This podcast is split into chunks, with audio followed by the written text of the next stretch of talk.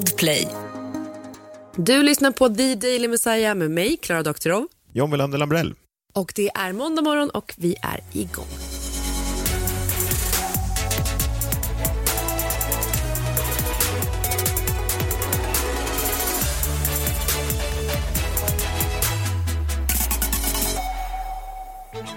Jag var på restaurang i helgen. Jag var på en restaurang i Gamla stan som heter La Ragazza och jag har sett fram emot att gå till det här stället i många, många år men har liksom aldrig fått till det med barnvakt och en bokning samtidigt. Nej, jag förstår. Och så var det som om, om stjärnorna bara stod rätt. Någon hade bokat av, så jag stod på väntelisten och fick ett bord den tiden jag ville gå, liksom, klockan 19 i fredags. Och då var det dags att eh, gå dit och käka en ganska, ja, men de, de har en ganska satsig meny. Kocken heter Daniel Crespi och han ligger ju bakom en massa restauranger som ligger där i Gamla stan. Lejontornet och Djuret och lite andra. Det är väldigt mycket kött på de här ställena. Jag tror inte att du kanske har käkat där. Nej, speciellt ett ställe som heter Djuret håller jag mig borta från. För jag tänker Ja. komma dit och be och fråga vad de har för vegetariska alternativ. Då får man kanske samma respons som man får av Messiah. Jag vet inte. Jag tror nog kanske att det här kan vara Messiahs eh, stil på restauranger. Men alltså, det är säkert så att de gör eh, vegetariska alternativ och man ber om det i förväg. Men, eh, men just den här menyn var väldigt köttung. Okej, ja. ja, du kan nog inte... Det är på en sån nivå att de ringer före för att konfirmera bokningen och eh, kolla om du har allergier. Alltså, så här, det är inte som att du bokar liksom, på tacobar. Nej, nej, jag fattar. Nej, men det där vet jag ju med köttmat att ibland man kan då alltså beställa, jag vet inte om man ska äta här anka eller någonting så kan man få det förbeställt. Det krävs några dagars liksom varsel. Jag har svårt att se det med vegetarisk mat om de behöver dra upp en spetskål. Alltså att man behöver säga till om det några dagar innan. Jag vet inte.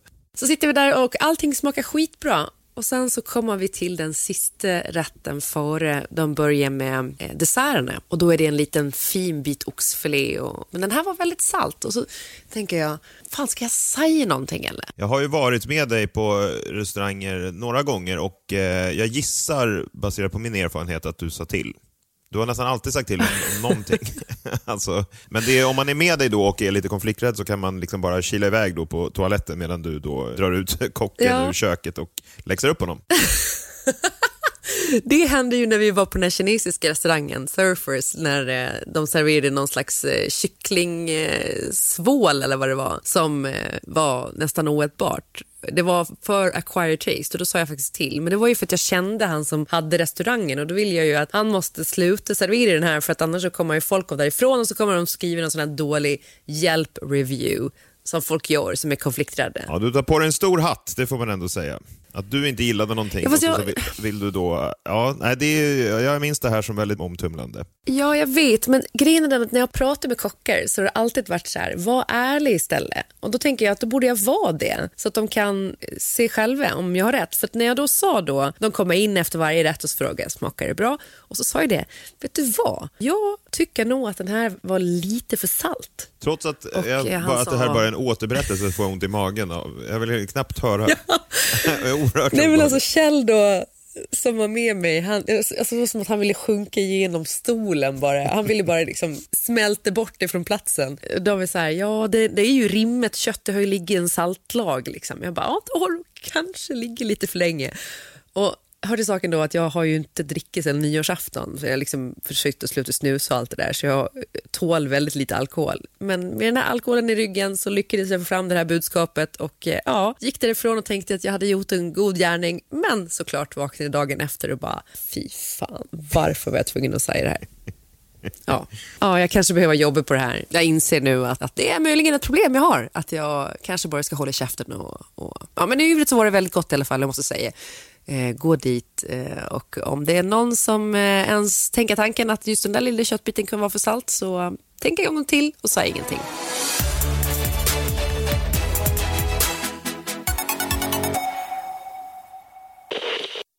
Ny säsong av Robinson på TV4 Play. Hetta, storm, hunger. Det har hela tiden varit en kamp. Nu är det blod och tårar. liksom. Fan händer just nu. Det. Detta är inte okej. Robinson 2024, nu fucking kör vi! Streama söndag på TV4 Play. Ett poddtips från Podplay. I fallen jag aldrig glömmer djupdyker Hasse Aro i arbetet bakom några av Sveriges mest uppseendeväckande brottsutredningar. Går vi in med hemlig telefonavlyssning och, och då upplever vi att vi får en total förändring av hans beteende. Vad är det som händer nu? Vem är det som läcker? Och så säger han att jag är kriminell, jag har varit kriminell i hela mitt liv men att mörda ett barn, där går min gräns. Nya säsongen av Fallen jag aldrig glömmer på Podplay.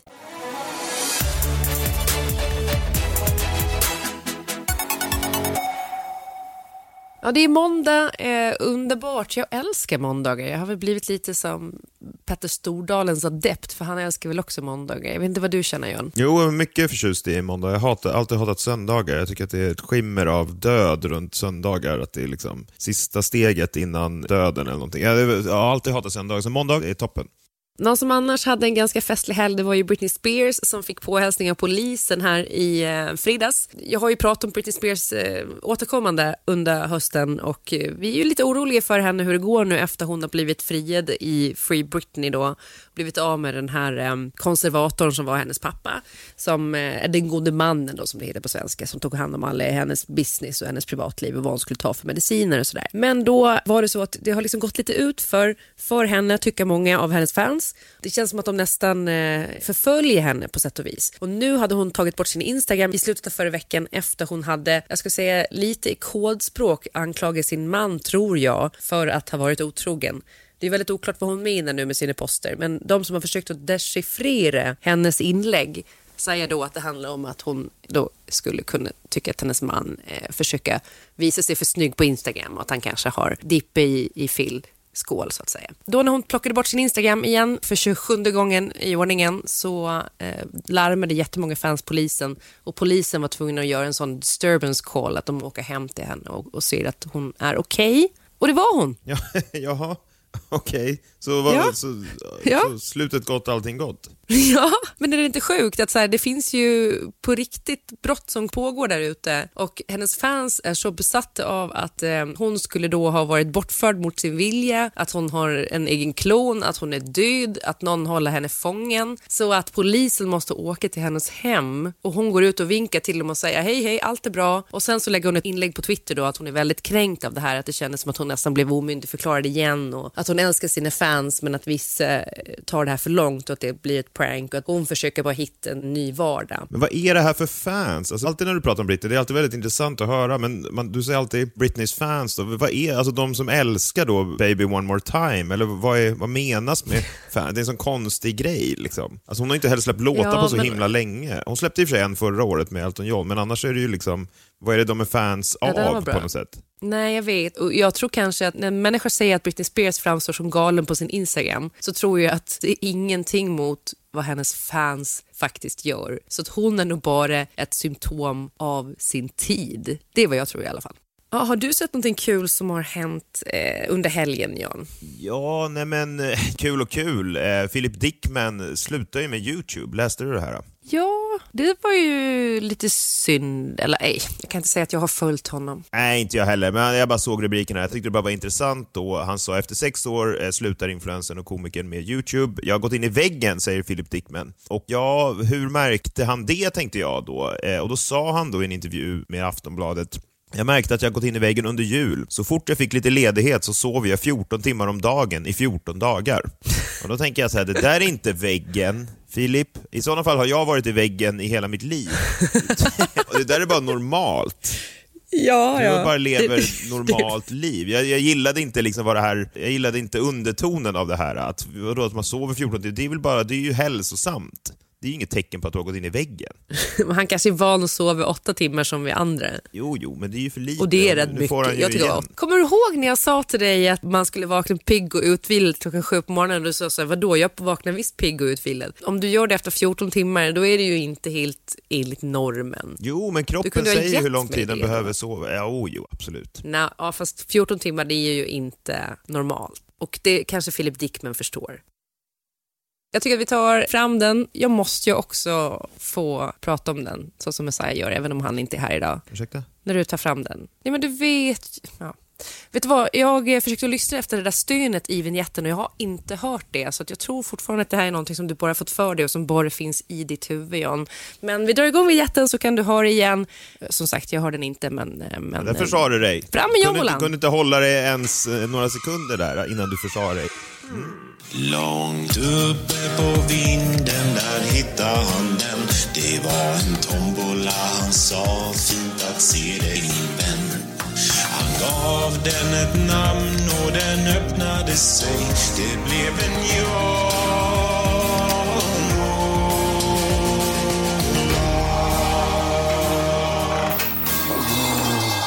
Ja, eh, Moderaternas statssekreterare PM Nilsson avgick ju till slut efter den här ålskandalen eh, nu i helgen. Såg du det, Klara? Ja, det var väl vettigt av honom tycker jag.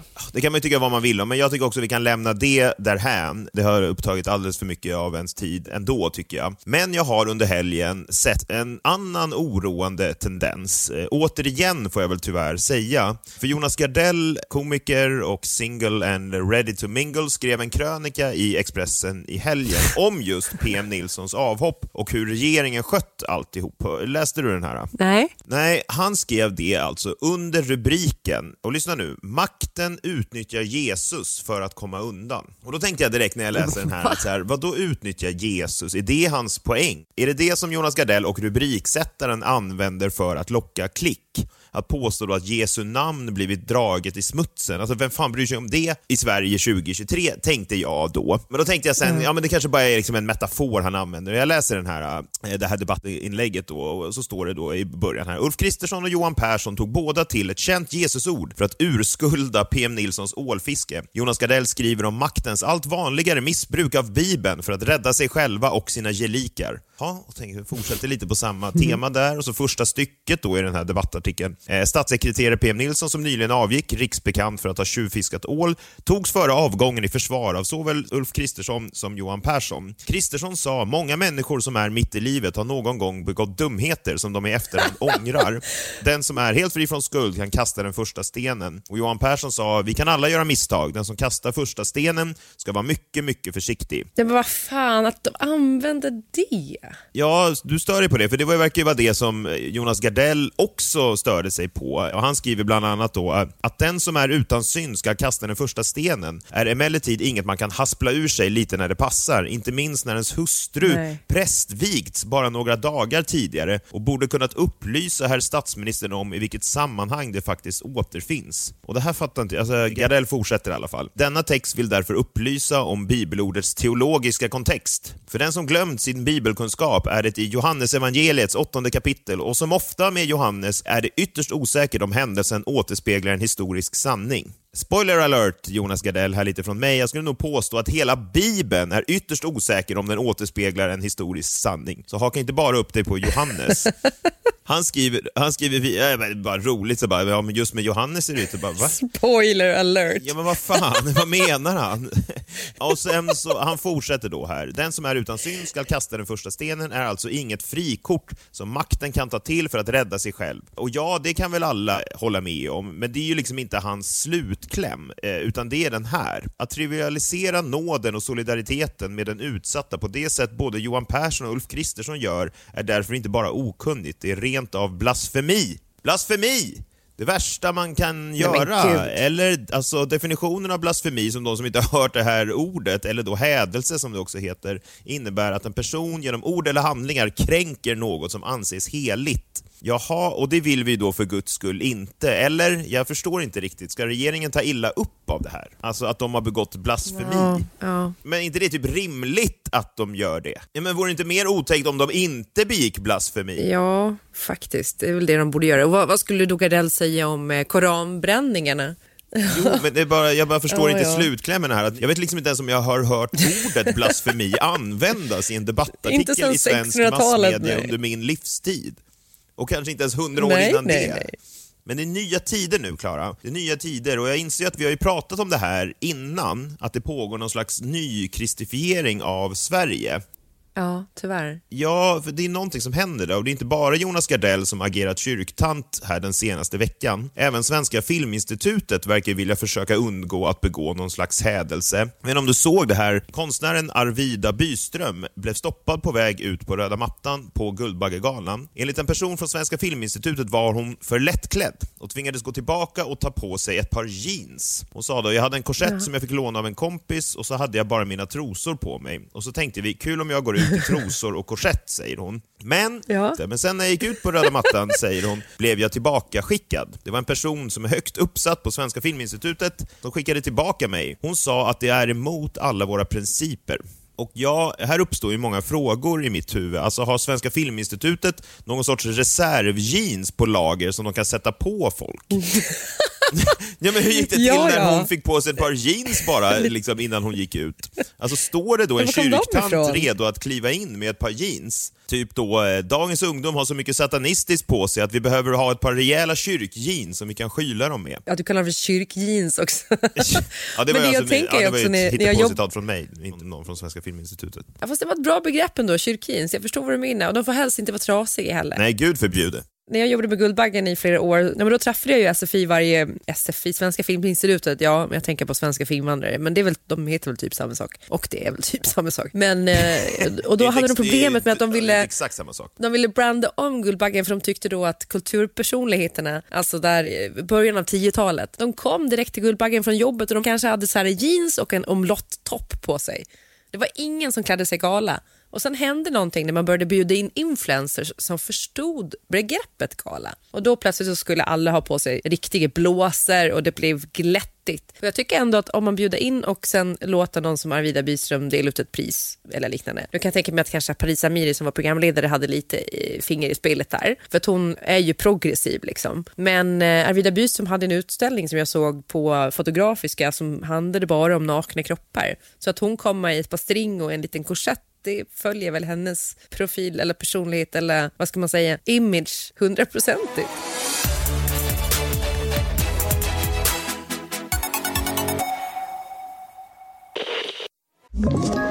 Ett poddtips från Podplay. I fallen jag aldrig glömmer djupdyker Hasse Aro i arbetet bakom några av Sveriges mest uppseendeväckande brottsutredningar. Går vi in med hemlig telefonavlyssning och, och då upplever vi att vi får en total förändring av hans beteende. Vad är det som händer nu? Vem är det som läcker?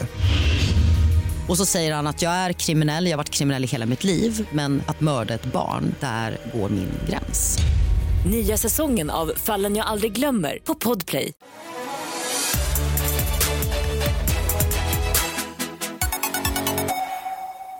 Ja, men jag bara tycker det låter så sjukt att man dyker upp på en gala och så står det någon person där och säger så här, det där får du inte ha på dig, här har vi en mer lämplig klädsel. kyrkjeans. Ta på, ta på dig kyrkjeans. Och jag menar, man får väl vara kristen om man vill, det är inget fel med det, men det säger ju någonting att man kan nu använda kristna principer som någon slags slagträ i debatten Ja. för att trä på folk jeans för att skyla människor som går på gala. Det är liksom nytt. Jag har aldrig sett någonting om liknande förut i. Sverige. Men för oss då som inte tycker att hädelse eller konstig klädsel är ett speciellt stort problem, hur ska vi då bemöta det när kyrktanterna en dag kommer efter oss? För det kommer ju hända. Jo, jag tror att Sara Alltså, Larsson... efter Daily Messiah? Nej, eller men- efter vem? Komma? Kyrktanterna kommer ju komma efter oss alla en dag. Menar, jag säger inte att jag Ja, kommer dyka ja, upp ja. på någon Ja. gala i string, men jag kommer säkert begå någon annan slags blasfemi som kyrktanterna och Jonas Gardell hakar upp sig på.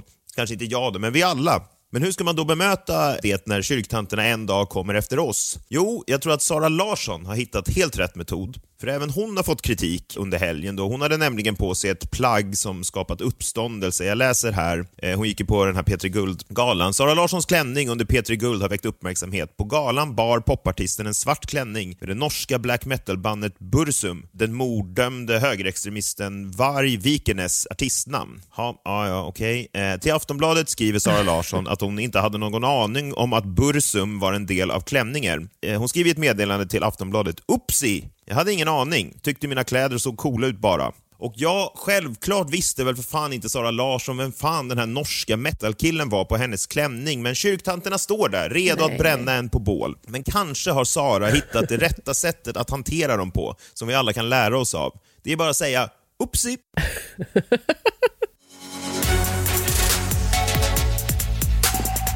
På tal om kyrktanter så tänkte jag adressera någonting som har stört mig väldigt länge. Och Det här eh, aktualiserades i helgen när jag tittade på Min sanning med Anna Hedenmo. Och Gäst var då um, entreprenören och eh, poddstjärnan Hanna Videll. Har du sett det här avsnittet ännu, John? Nej, jag har inte eh, hunnit se det. Nej, men om vi tänker då i nya kristen Sverige så finns ju också ett problem där jag upplever att Folk har förutfattade meningar om poddare. Att eh, man ofta får höra från människor man träffar eller intervjusituationer att eh, man är väldigt privat, att man är väldigt öppen med allt, att man berättar grejer som ingen annan skulle göra och att man nästan är lite gränslös. Vi kan bara lyssna lite hur Anna Hedenmo får det att låta i Min sanning.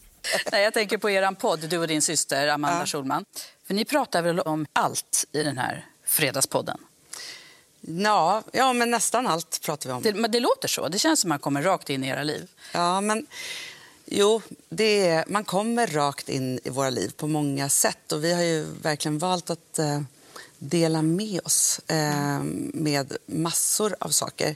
Eh, sen är det klart att vi har ett privatliv också. Mm -hmm, kan man inte det. tro. Nej, nej man, man, kan ju tro att det där är privat. Ja, alltså, vad är det här för jävla inställning från SVT? Om man tänker om det är några som ska vara bättre så borde det vara SVT. Det borde vara Anna Hedemo som borde förstå att även vi som har som jobb att prata om våra liv på olika sätt faktiskt också har gränser. Det är jättemycket som jag inte berättar i olika podcasts. Och Sen kanske jag berättar sånt som andra skulle tycka att men gud, det där hade jag aldrig velat dela med mig till så många som lyssnar. Men för mig är kanske inte det så himla privat och jag förstår inte varför det är den allmänna bilden av att poddare är så otroligt gränslösa. För det är otroligt mycket som vi inte berättar. Men det här fortsätter liksom och, och jag tycker att hennes, eh, hennes ton blir nästan värre. Vi kan bara lyssna på hur det låter lite senare. Finns det någon gräns för vad du kan dela med dig av? Det finns en jättetydlig gräns. Var är den? Eh, och jättestark gräns. Var är den? Vadå var är den? Alltså jag vet inte om du känner igen dig alls i det här John? Nej, jag sitter fortfarande bara och tänker, det kan ju, det är ju, alltså, ja, det kan ju vara en ganska skrämmande tanke att, att även du och Klara har en gräns. För då tänker jag vissa grejer som du har berättat, som fortfarande kan komma ja. till mig i, i mardrömmar på, på natten, då, då undrar man ju, då undrar man ju vad fan, eh, vad undanhöll hon ur det där? Men eh, ja, det ska vi inte eh, grotta ner oss i. Men det, det var nytt för mig att du hade, att du hade gränser. Jag hade aldrig tänkt på om Hanna Videll hade det inte, men att Klara Doktor har gränser, det hade jag nog inte riktigt räknat med. Men det är det här ni har helt fått om bakfoten och då vill jag bara säga, och med det tänker jag att vi avslutar, men jag har en gräns, Hanna Videll har en gräns och det finns jättemycket du ännu inte vet. Men det kanske jag sparar till senare så att du kan få ännu fler mardrömmar, för det där gav mig nästan bränsle bara för att fortsätta. Nej, jag tror att det är viktigt att uh, du spar, håll hårt i det. Släpp inte ut det, utan ja, eller... håll den gränsen kvar. Kanske inte. Det var allt vi hade idag imorgon så är Messiah tillbaka och då är det tisdag. Ja, då blir det ett öppet brev, det blir en ny jombola och eh, lite annat smått och gott. Och sen så kommer vi ju förhoppningsvis få veta och höra allt om premiären av Svenska nyheter som han hade i fredags. Jag har kollat, visst har du kollat John? Jajamän, det ska bli kul att kanske få lite backstage-skvaller eller någonting. Ja, men det är det jag hoppas på. Det vill vi ju verkligen ha. Och, ja, men höra allt om det och han måste få veta hur jävla grym han var, för jag tyckte han verkligen var det. Så vi tackar för oss idag och så hörs vi imorgon. Hej, hej! Hej!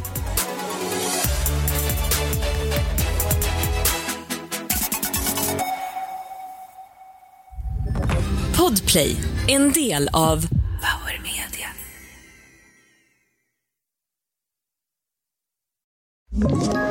Ett poddtips från Podplay. I podden Något Kaiko garanterar östgötarna Brutti och jag, Davva, dig en stor dos skratt. Där följer jag pladask för köttätandet igen. Man är lite som en jävla vampyr. Man har fått lite blodsmak och då måste man ha mer. Udda spaningar, fängslande anekdoter och en och annan arg rant. Jag måste ha mitt kaffe på morgonen för annars är jag ingen trevlig människa. Då är du ingen trevlig människa, punkt. Något kajko, hör du på podplay. Därför är gardinerna.